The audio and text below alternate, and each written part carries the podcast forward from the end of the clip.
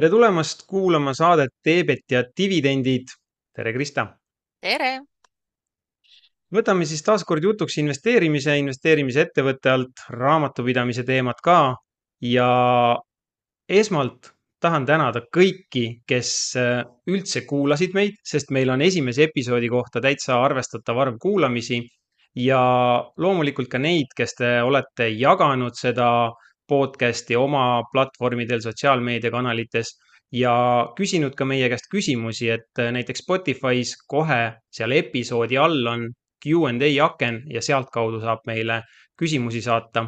ja, ja nagu öeldud, siis igas saates püüame natukene neid küsimusi ka ette võtta, aga täna enne veel, kui me asume küsimuste kallale, siis äh, Krista, sa tegid hiljuti päris huvitaval teemal veebiseminari ai ehk see kõige kuumem äh, lühend, mis täna üldse turul on ja automatiseerimine. et räägime äkki alustuseks natukene, natukene sellest. Eh, tegin ja, eh, ja just see ai, ai automatiseerimine just nagu raamatupidamisbüroo mätta otsast, sest nagu igasuguste muude asjadega või ma pean rääkima, kui ma kunagi käisin Kristi Saare koolitusel hästi-hästi ammu, siis ta oli Pelgulinna ähm, koolis seda tegi ja siis äh, tulime sealt välja ja siis minu kõrval oli üks naisterahvas ja siis ta ohkas ja ütles täiesti siiralt ja jälle ei räägitud äh, seda, kuidas üks tavaline inimene rikkaks saaks. ja selle ai automatiseerimisega on täpselt seesama asi, et inimesed nagu ootavad mingisugust äh, võluvõtit.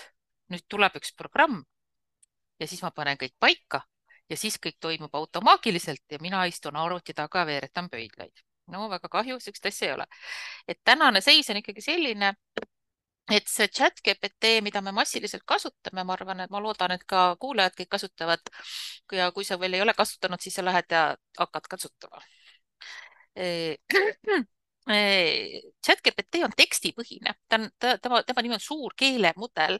ta oskab, ta saab aru tekstidest ehk sa saad temaga teha näiteks ära kõik oma, äh, kõik sellised asjad, mis väikeettevõttel on tegemata. igasugused strateegiad, igasugused persoonad, turundustekstid, äh, tööjuhendid, äh, protsessi kirjeldused, kõik need tekstiasjad, mis tavalisel väikeettevõttel on kas null või peaaegu null, sest tal ei ole selleks aega, raha ega teadmisi aga sa saad chatGPT abiga, sa saad ta ära viia nullist madalamale kesktasemele, mis on juba väga just, suur edasiminek. just tahtsingi küsida, et kui sa annad, siis talle söödad need ülesanded ette ja saad sealt mingisuguse protsessi kirjelduse või mingi sise-eeskirja sektsiooni, siis kui palju seal tegelikult on vaja teha seda parandamise, täiendamise, kohandamise tööd? No aga siis sa vaatadki üle, kas see, mida tema sulle nüüd kirjutas, sulle sobib, aga see on mm. palju lihtsam. ta annab sulle niisuguse keskpärase, keskpärase teksti ette ja seda natuke oma järgi timmida on väga palju lihtsam, kui seda nullist kirjutama hakata.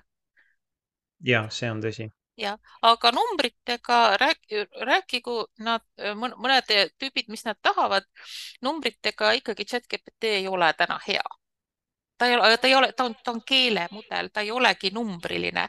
ta ei ole, ta ei ole see, need programmid, mis tegelevadki, on, on numbrite analüüsiga, need on hoopis teised asjad. väiksel ettevõttel ei, või väiksel raamatupidamisbürool ei ole sellises hulgas andmeid, et ta saaks ise endal mingeid asju välja õpetada, mingeid lahterdajaid või kontrollijaid. ehk seal me oleme ikkagi täna selles seisus, et tee ära kõik oma ühendused et sa kuskilt ei sisesta käsitsi mingisuguseid numbreid, et kõik asja, kõik programmi kasutatud programmid oleksid omavahel ühendatud ja kui sa kasutad mingit raamatupidamisprogrammi, et sa oled selle korralikult ära õppinud ja kasutad tema kõik võimalused ära mm. -hmm. ja see niimoodi hästi lühidalt ongi tänane seis ai automatiseerimisega raamatupidamisbüroos tee ära oma tekstilised asjad, eh, tee ära ühendused ja õpi oma programme kasutama ja tee, tee teadlikud valikud nende programmide osas mm. -hmm. põhimõtteliselt me saame siis öelda, on ju, et ähm, ettevõttes ja ettevõtluses seda, seda ai-d või chat äh, GTP-d saab kasutada noh, mitte ainult ühes valdkonnas, vaid noh, mina tean väga paljusid, kes kasutavad näiteks kliendile pakkumiste noh, kirjutamisel just, või just, turundus on ju, just, et ongi tekstid, tekstid, mm -hmm, kõikvõimalikud tekstid. ta ei, ta ei tee sul seda väga kõrgel tasemel, aga tavalisel väikeettevõttel ta, ta aitab su selle nagu mm, ikka ikkagi mingisugusele normaalsele tasemele jõuda. ta aitab sul ära teha kõik need asjad, mis, mis on tegemata on. noh, ja, ja on kasutad, kasvõi see kas sina muidu kasutad teda eesti keeles või inglise keeles eh, inglise keeles mm? -hmm, inglise keeles ja kui mul on mingit teksti vaja, siis ma ütlen, ma teinekord palun, palun, et tõlgi ära. mm -hmm. aga ma suhtlen temaga inglise keeles. ma, ma ei tea, mulle kuidagi tundub, tundub ta inglise keeles natuke nutikam. ja, ja mul on sama tunne, et ma olen eesti keeles ka proovinud äh, saab väga hästi hakkama, aga kuidagi jah, endal on ka see mugavustunne, et, et tahaks pigem inglise keeles anda selle sisendi noh, just, ja. Ja saada siis selle väljundi ka. ja see Talli, Talli, Talli on nüüd väga lahe, see pildi, pildi tegemisvõimalus. erinevalt Midjourney'st on see, et teed pildi ära, pane, pane nüüd selle naisterahva, tee juuksed brünetist blondiks. anna Mm. pane talle prillid ka pähe. ehk sa saad nagu, saad mingi pildi kätte, siis sa hakkad nagu ütlema, et kuida, kuidas seda timmima peaks. mis on väga lahe. Kuule, aga kas äh, võtame kohe küsimused ette või äh, kuulajate küsimused või, või on sul veel mõni teema, mis sa enne tahaks äh, lauale tuua? Ei, vist, vist praegu ei ole, vaat-, vaatame neid küsimusi, sellel oli neid nii palju, et ja neid küsimusi tuli päris palju ja nii arvuliselt kui ka siis nende äh, selle järgi vaadatuna, et äh, kes neid saatsid ja, ja kuna me rääkisime kinnisvarast, siis õige mitu küsimust oli ka kinnisvara valdkonnast, et hakkame sealt siis kohe pihta, et äh, Marit kirjutas meile ja küsis, et ta sooviks täpsustada seda uue kinnisvara ostu ja käibemaksu teemat. ehk siis äh, ta kirjutab, et temale teadaolevalt, kui on tegemist uue kinnisvaraga, siis müüja lisab müügile käibemaksu ja ostja tasub müüjale koos käibemaksuga summa. ning kui ostja on käibemaksukohuslane ning ostab kinnisvara lühiajalise rendi eesmärgil, siis küsib ostja selle käibemaksu riigilt tagasi. ja sellisel juhul siis ta kirjutab, et on see kümne aasta piirang. aga on ju, kui see sihtotstarve peaks seal vahepeal muutuma, kuidas siis, mis siis? Minu teada on pöördmaksustamine, minu teada on mm. -hmm. Ehk äh, sul võib arve peal see käibemaks ju olla välja toodud, aga, aga, aga sa maksad ära ikkagi sellele mm, müü, müüjale ilma käibemaksuta. Asja ja ta on, ta on siis uus kinnisvara, ta on oluliselt renoveeritud kinnisvara kuhu sa oled siis rohkem raha sisse pannud, kui ostuhind on. Ja ka, ja saab valida ka siis selle mitteelukondlik kasutatud kinnisvara, et seal sa saad valida, kas, kas sa müüd käibemaksuga või, või ilma. ehk ta on nagu muud asjad ka peale selle, peale, peale uue kinnisvara. selge. ja siis mis teine küsimus. ja mis saab ja. hiljem, on see, et noh, Maksuametile meeldib see variant, et algul üldse seda käibemaksu tagasi ei küsi et sa küsidki iga, iga, noh, iga kümne aasta jooksul seda jooksvalt tagasi. aga sa võid teha ka niimoodi, et sa küsid kogu käibemaksu tagasi ja siis iga aasta hindad, et kas ma nüüd, kas kasutasin seda mm, kinnisvaramaksu käibemaksuga maksustatava käibe jaoks või mitte. ja kui sa siis ühel aastal, ma ei tea, no nagu see Covid oli siin, et noh, muidu on Airbnb-s, aga vot Covidi tõttu polnud olnud midagi, siis üürisin ühel aastal elukondlikult välja, siis see üks kümnendik siis ostukäibemaksust tuleb tagasi maksta mm. -hmm. Me saimegi õige mitu küsimust ka, et siin kinnisvarahuvilised ja Ken ja kes siin meie käest küsisid, et, et mis siis on ju, kui kui ma ei tea, näiteks kolmandal aastal enam ei õnnestu teda lühiajaliselt välja üürida ja, ja muudan siis ta pikaajalise üüri peale, et et siis juhtub mis? ei juhtugi midagi, lihtsalt, on see, et ühe, ühe kümnendiku käibemaksust pead tagasi maksma. Kui sa mm, -hmm. kui sa oled seda tagasi küsinud ja kui sa ei ole tagasi küsinud, siis sel aastal ei, lihtsalt ei küsi seda kümnendikku mm. -hmm. keegi, keegi, keegi midagi kallale, keegi kallale ei tule, keegi midagi, midagi ei juhtu, aga sa pead ise lihtsalt, ise lihtsalt arvestust pidama. ja ka siis, kui sa võtad ennast käibemaksukohustuslasest maha seda ei tohi unustada. ostsin, ostsin korteri, üürisin lühiajaliselt välja ja nüüd on viis aastat möödas. Ma vaatan, et mul on need mahud nii väikesed, no ma ei, ma ei viitsi seda iga, iga kuu seda käibedeklarit teha. aga siis on see, et eh, siis sa pead ka proportsionaalse osa käibemaksust tagasi maksma. selge, siis meil oli siin üks küsimus ähm kus küsiti seda, et kas on mõistlik teha eraldi ettevõtted lühiajalise väljaüürimise ja pikaajalise üürikinnisvara jaoks. et äh, me mõlemad vaatasime ühte ja teistpidi seda küsimust ja, ja vähemalt mina küll ei näe kuidagi mingisugust loogikat, põhjust, miks peaks seal kuidagi neid eristama ja tegema kahte ettevõtet ja, ja võib-olla solgutama seda kinnisvara ühe ja teise firma vahel, on ju, et äh, või kuidas, kuidas sina arvad? mingit olulist põhjust küll ei ole, see, noh, see, et kui sul, kui sul ongi osakäivet on äh, maksuvaba, osa on käibemaksu ka, noh, siis on see nagu raamatupidajale pisike lisatöö. Et ta arv, arvutab siis seda, et millise osa käi, ostukäibemaksust tagasi saad. aga see ei ole, see ei ole, see ei ole kindlasti mitte mingisugune selline asi, mis, mis nagu vääriks eraldi ettevõtete tegemist, et eraldi ettevõtete tegemisel on ikka see kaks, kaks peamist klauslit, et äririskid tuleb eraldi hoida ja teine on see, et äh, noh, kui see, kui see on mingisugune selline objekt, mida sa tahad müüa, mingisugune koos ettevõttega mm, -hmm. noh, siis on mõtet ta tütarettevõttena hoida, et ei lähe see raha era, eraisikule ja kohe, kohe maksustamisele mm. -hmm. aga kuidas kui seal üldse... mingit äri, kui seal mingit äririski ei ole, siis ma ei näe küll mingit põhjust. kuidas sina üldse täna näinud oled, kas ettevõtted hoiavad oma kinnisvara eraldi tütarfirmades kui me räägime tõesti nende enda kontorist või tootmishoonest või laohoonest mm. või on Ei. kõik ikkagi oma bilansis ja? sellised asjad on ikka oma bilansis, et kui sul on mm -hmm. ikka äritegevuseks vajalik kinnisvara, see on ikka oma bilansis. ja alati, ja alati on ju võimalik ta sinna allapoole ära pungutada, kui, kui peaks vajadus tekkima mm. -hmm aga reegl, reeglina on ikka seesama, ainuke, kus, kus on eraldi objektid, on igasugusel kinnisvaraarendajatel, et selles projektis on mul kolm osalist ja selles projektis on mul neli osalist ja siis me teeme eraldi ettevõtte ja, ja siis jagame raha ära ja siis likvideerime või ühendame ja nende noh, kinnis, sellistel väikestel kinnisvaraarendajatel, noh üldse kinnisvaraarendajatel on hästi palju neid et, et, ettevõtteid eraldi ja, ja seal on jah, kipub olema projektipõhiselt ja objektipõhiselt nende tütarfirmade ja ehk ja mis on igati mõistlik ja mis on igati mõistlik. nii, aga Kaili, Kaili küsib nüüd seda, et ähm, kui ma olen ostnud endale kodu, aga tahaks selle anda ettevõtte käsutusse ja välja üürida, siis milliseid nüansse peaks silmas pidama ja kuidas seda raamatupidamises kajastada? no, no siin on nagu mit, mitu aspekti, üks on see, et kui sa, kui sa oled selle laenuga ostnud, mm, minu meelest, minu meelest täna ma pole ise tükk aega laenu võtnud, aga minu meelest praegustes laenulepingutes ei ole seda, et sa pead pangalt nagu luba küsima väljarentimiseks. E, ehk noh, ja, ja, ja, ja seda intressitagastust meil ka enam uuest aastast ei ole, et nii et see pole mm -hmm. ka enam teema.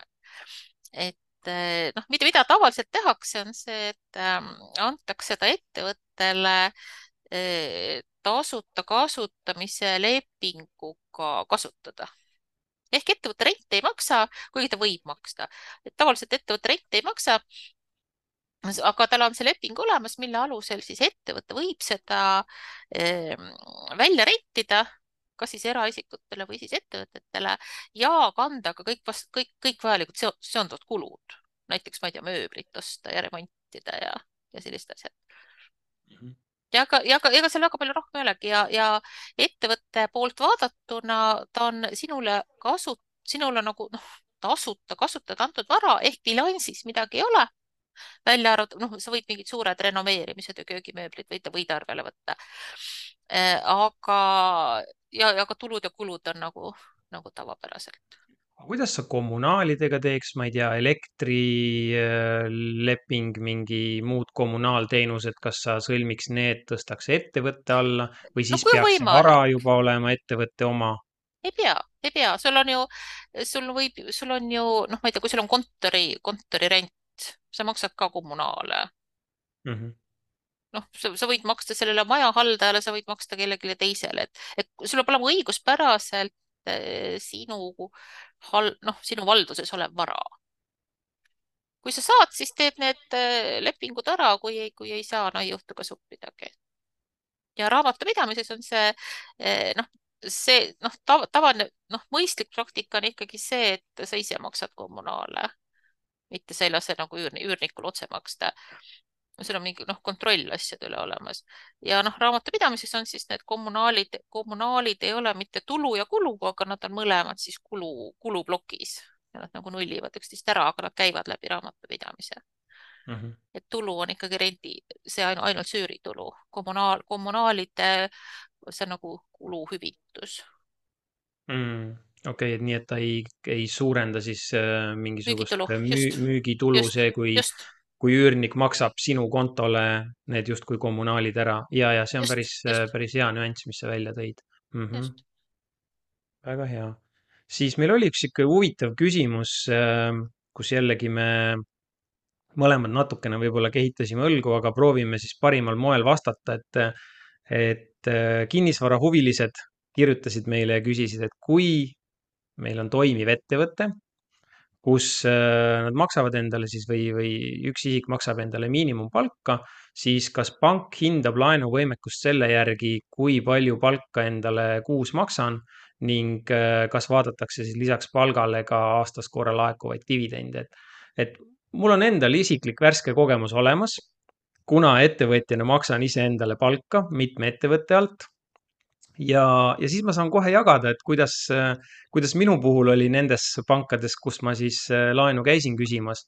et äh, minu puhul oli jah, vaadati sissetulekut, vaadati kahe ettevõtte peale kokku, aga siis järgmise sammuna mindi kohe sinna, et vaadati, et mis seal ettevõtetes sees toimub ja mitte käesoleval majandusaastal, vaid praegused on ju, praegused aruanded pluss kaks aastat tagasi ka, pluss prognoosid tulevikuks ja, ja dividendidega oli selline lugu, et äh, need pangad, kust, äh, kust mina laenu küsisin, nemad ütlesid, et äh, nemad võtavad siis saadud dividendid arvesse viiekümne protsendi ulatuses, mis puhtalt matemaatiliselt tähendab seda, et tegelikult on mõistlikum maksta kõrgemat palka kui dividende, kui sa tahad pankade silmis olla selline atraktiivne laenuvõtja nii-öelda aga ma saan aru, et sina ikkagi said laenu ettevõtjana.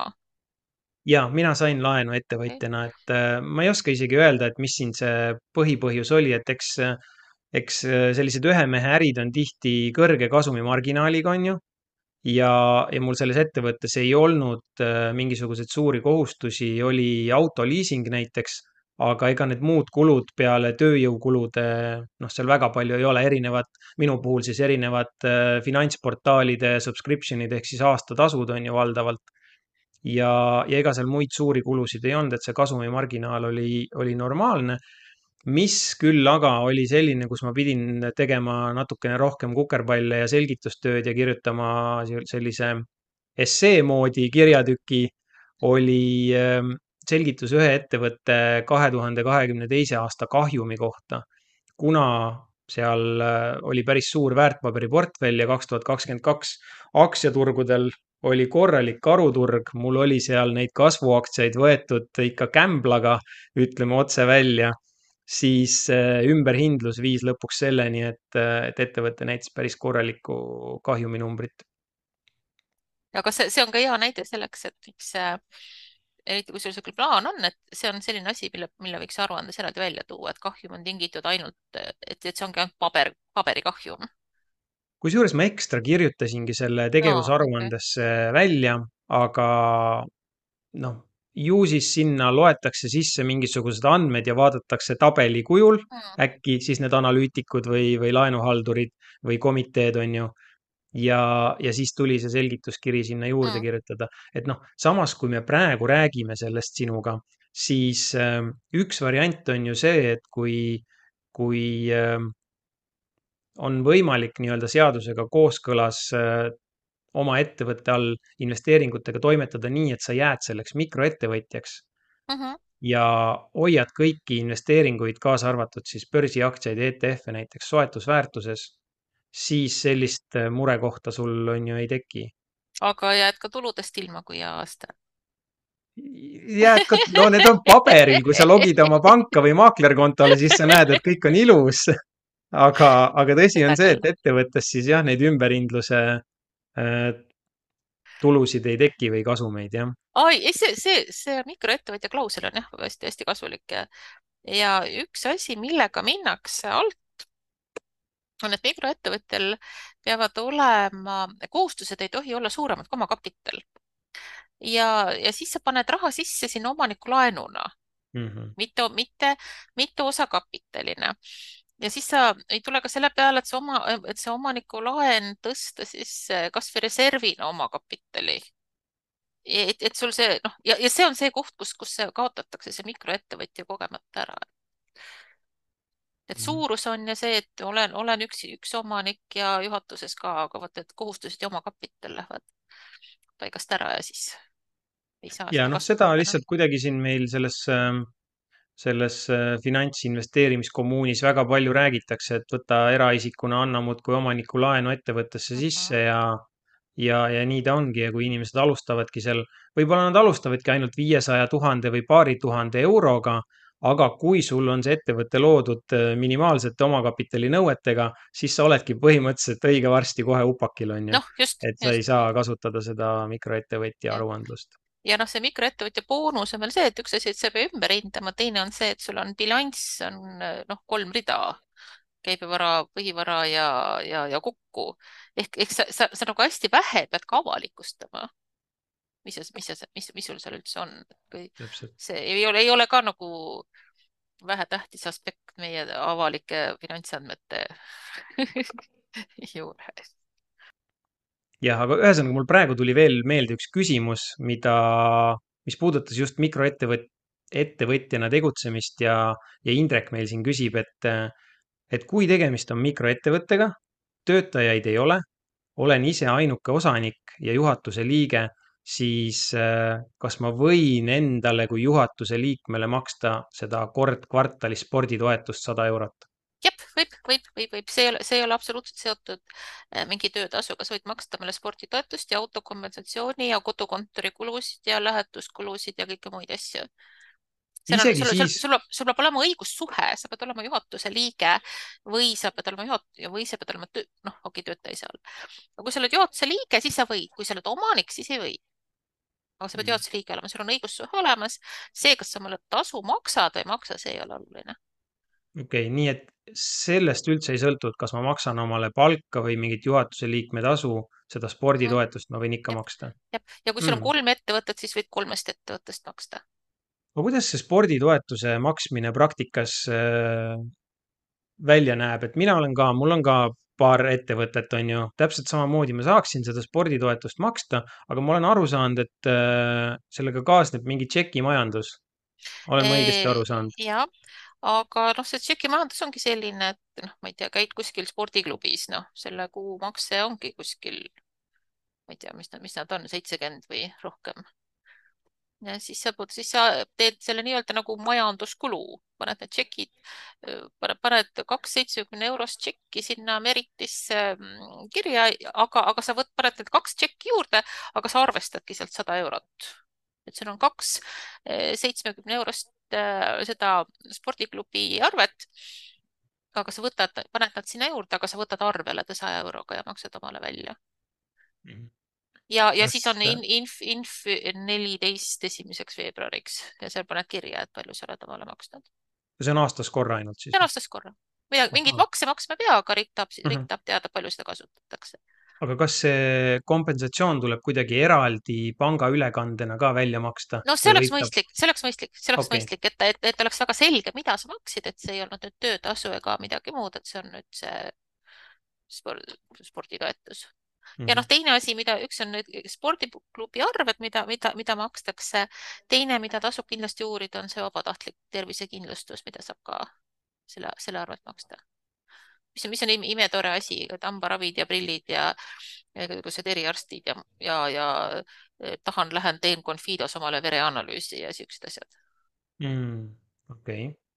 see, see on nagu ime, imetore asi mis on veel üldse mingid sellised soodustused, mida paljud äh, väikeettevõtjad või mikroettevõtjad ei tea, mida nad tegelikult võiksid kasutada? noh, seesamane sporditoetus on, siis on ähm, noh, see kodukontorit ju tegelikult väga paljud väikeettevõtjad ei ela, noh, sul ei, sul ei ole renditud kontoripinda, sa tegelikult istudki reaalselt kodus mm -hmm. teedki oma, kas siis paremal juhul eraldi toas, kehvemal juhul elutoa või köögilaua taga tööd. et saad mingi osa, mingi osa sealt arvestada mm,. igasugused koolituskulud on, on igati toredad. et selline, noh ehk sa, sa nagu kaalu ka,, vaatad selle nurga alt, et et mida sa oma eraisikuna kulusid teed, mida sa saad, mida, mida sa saaksid ettevõtte alt kanda. noh, näiteks on no, ju, mina lähen... alati vaatan seda, et kui ma toimetan, on ju investeerimisega selle ettevõtte all, et siis needsamad äh, aastatasud või kuutasud, igasugused just, subscription'id, mida ma maksan, ükskõik kas uudisvoog või mingi klubi või mingi portaal või, või midagi miljon, taolist. miljon, miljoni klubi äh, tasu näiteks. täpselt, miljoni klubi tasu või, või lähed Nordic Business Forumile Helsingisse, maksad, maksad selle pileti, maksad, maksad need sõidukulud, maksad ööbimise, maksad päevaraha ka veel mm. -hmm. kõik nagu, nagu säärased asjad mm. -hmm. et see, see on nagu hästi lihtne, siis on see ähm, esinduskulu, mis ta on siis kolmkümmend kaks euri kuu pluss äh, kaks protsenti, kaks protsenti palk brutopalkadest noh, see, see on näiteks et saad klientidele jõulupeo teha või, või sina teed oma, ma ei tea, või teed miljoni klubi ürituse, siis on miljoni klubil sünnipäev ja siis pakud torti mm. -hmm. Noh, sellised asjad lähevad nagu vastuvõtukulude alla. autokompensatsioon. Mm, Märten, Märten käib, Märten elab Tartus, läheb Tallinnasse koolitust tegema. sõidad, sõidad autoga, maksad omale autokompensatsiooni mm -hmm.. kolmkümmend senti kilomeeter ja mingit tšekki ja sellisel juhul mingit tšekki pole vaja, lihtsalt väike Exceli tabel ja, ja on olemas. kuidas sul on mulje, et kas, kas väikeettevõtjad, mikroettevõtjad kasutavad neid võimalusi või pigem täna väga mitte? väga paljud ei julge, väga paljud ei julge kasutada mis need reeglid on ja, ja oota, mis dokumenti mul vaja on ja kus ma seda deklareerima pean ja, ja, ja noh, aga ta, ta selles mõttes deklareerimine ongi nagu paras tüütus, et mingid asjad lähevad sinna noh, seesama see vastuvõtukulu läheb näiteks igakuiselt DST lisa viie peale, autokompensatsioon ja, ja see sporditoetus lähevad kord aastas inf ühe peale või inf neljateist peale. et see tundub kuidagi jube keeruline. no tegelikult ei ole, no te, tegelikult ka ei ole ja, ja meil on neid nii vähe, meil on neid nagu nii vähe, et need võiks ikka, need võiks, neid võiks ikka teada ja ära kasutada.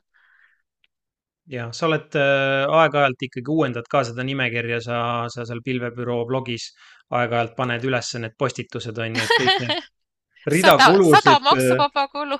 ja täpselt, et need on hästi asjalikud, ma tihtilugu ise ka lasen ikkagi silmadega seal üle ja siis, siis saan aru, et kui, kui vähe maksuefektiivselt tõenäoliselt ma ise ja, ja, ja paljud teised sellised ettevõtjad või ka ettevõtte alt investeerijad tegelikult toimetavad, on ju absoluutselt, aga noh, päeva lõpuks esi, esimene tähele, e, esmatähelepanu peaks ikkagi minema sellele, kuidas tulusid suurendada, et noh, enamus auru võiks ikka selle peale minna meil on tulnud ka üks selline natukene rohkem investeerimisteemaline küsimus, äh, aga mis seal ikka, vastame selle ka siis täna ära, võtame selle kui viimase küsimuse. ehk siis äh, inimesed, kes peitusid ikkagi selle märksõna kinnisvarahuvilised taha, küsisid hoopis seekord indeksfondidest ja nad küsisid, et kas on olemas maailmas äh, sellist indeksfondi, kus arenenud ja arenevate riikide äh, osakaal on võrdne ja see ETF maksaks välja ka dividende eurodes. et ähm, teate, enamus äh, ETF-ide puhul on lugu nii, et nad pannakse kokku turukapitalisatsiooni ehk turuväärtuse alusel. ja kui me võtamegi ette maailma aktsiaturu ja vaatame, et äh, kuidas see turuväärtus siis riikide või regioonide lõikes jaotub, siis täna on pilt selline, et äh, ligikaudu üheksakümmend protsenti on arenenud tööstusriigid, USA, Jaapan, Euroopa riigid, Kanada, Austraalia ja nii edasi ja see kümme protsenti umbes on ju pluss-miinus, see on need arenevad riigid, India, Hiina, Brasiilia ja, ja muud sellised. ja enamasti siis need globaalsed ETF-id lähtuvadki sellest, on ju, et, et mida suurem börs, mida suurem riik, sinna paneme rohkem raha ja ei tehta selliseid tasakaalustamisi. ehk ma ei tea küll, et oleks olemas mõnda sellist fondi, kus on need kaks regiooni võrdses osakaalus, aga seda on hästi-hästi lihtne ise ära lahendada. meil on olemas eraldiseisvalt arenenud tööstusriikide ETF indeksfond ja arenevate riikide, ostad mõlemaid samas proportsioonis on ju mõlemaid siis näiteks tuhande euro eest või kümne tuhande eest või mis iganes. ja ongi sul selline võrdsete osakaaludega portfell kenasti olemas nende kahe regiooni vahel. ja, ja oli siin küsimus ka, et kust üldse näeb, et kui sageli ETF dividende maksab, siis alati tasub minna selle ETF-i enda kodulehekülje peale, et no näiteks meil iShares'i ETF-idel fondivalitseja on BlackRock ja lähedki siis sinna BlackRocki kodulehekülje peale ja otsid sellist märksõna nagu distribution frequency inglise keeles ehk siis mitu korda äh, aastas ehk kui sageli fond maksab dividende välja. ja tasub alati vaadata ka, et mis valuutas need siis laekuvad, et kas eurodes või dollarites. meil on siin see üks populaarne globaalne ETF, mida väga paljud investorid ostavad eurodes ja kui tuleb esimene dividendimakse, siis üllatutakse, et aga kust mul need dollarid järsku kontole sattusid, on ju. ja siis, ja siis on see dividendide tulumaksu teema ka veel, et. siis on see dividendide tulumaksu teema ja väga hea, et sa selle tõstatasid, sest selle me jätame järgmisse saatesse ja sinna me läheme süvitsi sisse, räägime sellest, kuidas äh, ettevõtte alt maksuefektiivselt siis dividendiaktsiatesse investeerida või üldse nendesse väärtpaberitesse, mis maksavad dividende. aga tõmbame selleks korraks joone alla ähm,. oli tore, oli lõbus, seinast seina teemasid. järgmiseks korraks jälle saatke meile aga julgelt küsimusi. Q&A aken on Spotify's episoodi all olemas. E-kirju võite ka saata minu dividendiinvestor.ee Instagrami kaudu võite ka neid küsimusi saata, sealt õige mitu tulid. ja ega siis muud midagi, kui järgmise korrani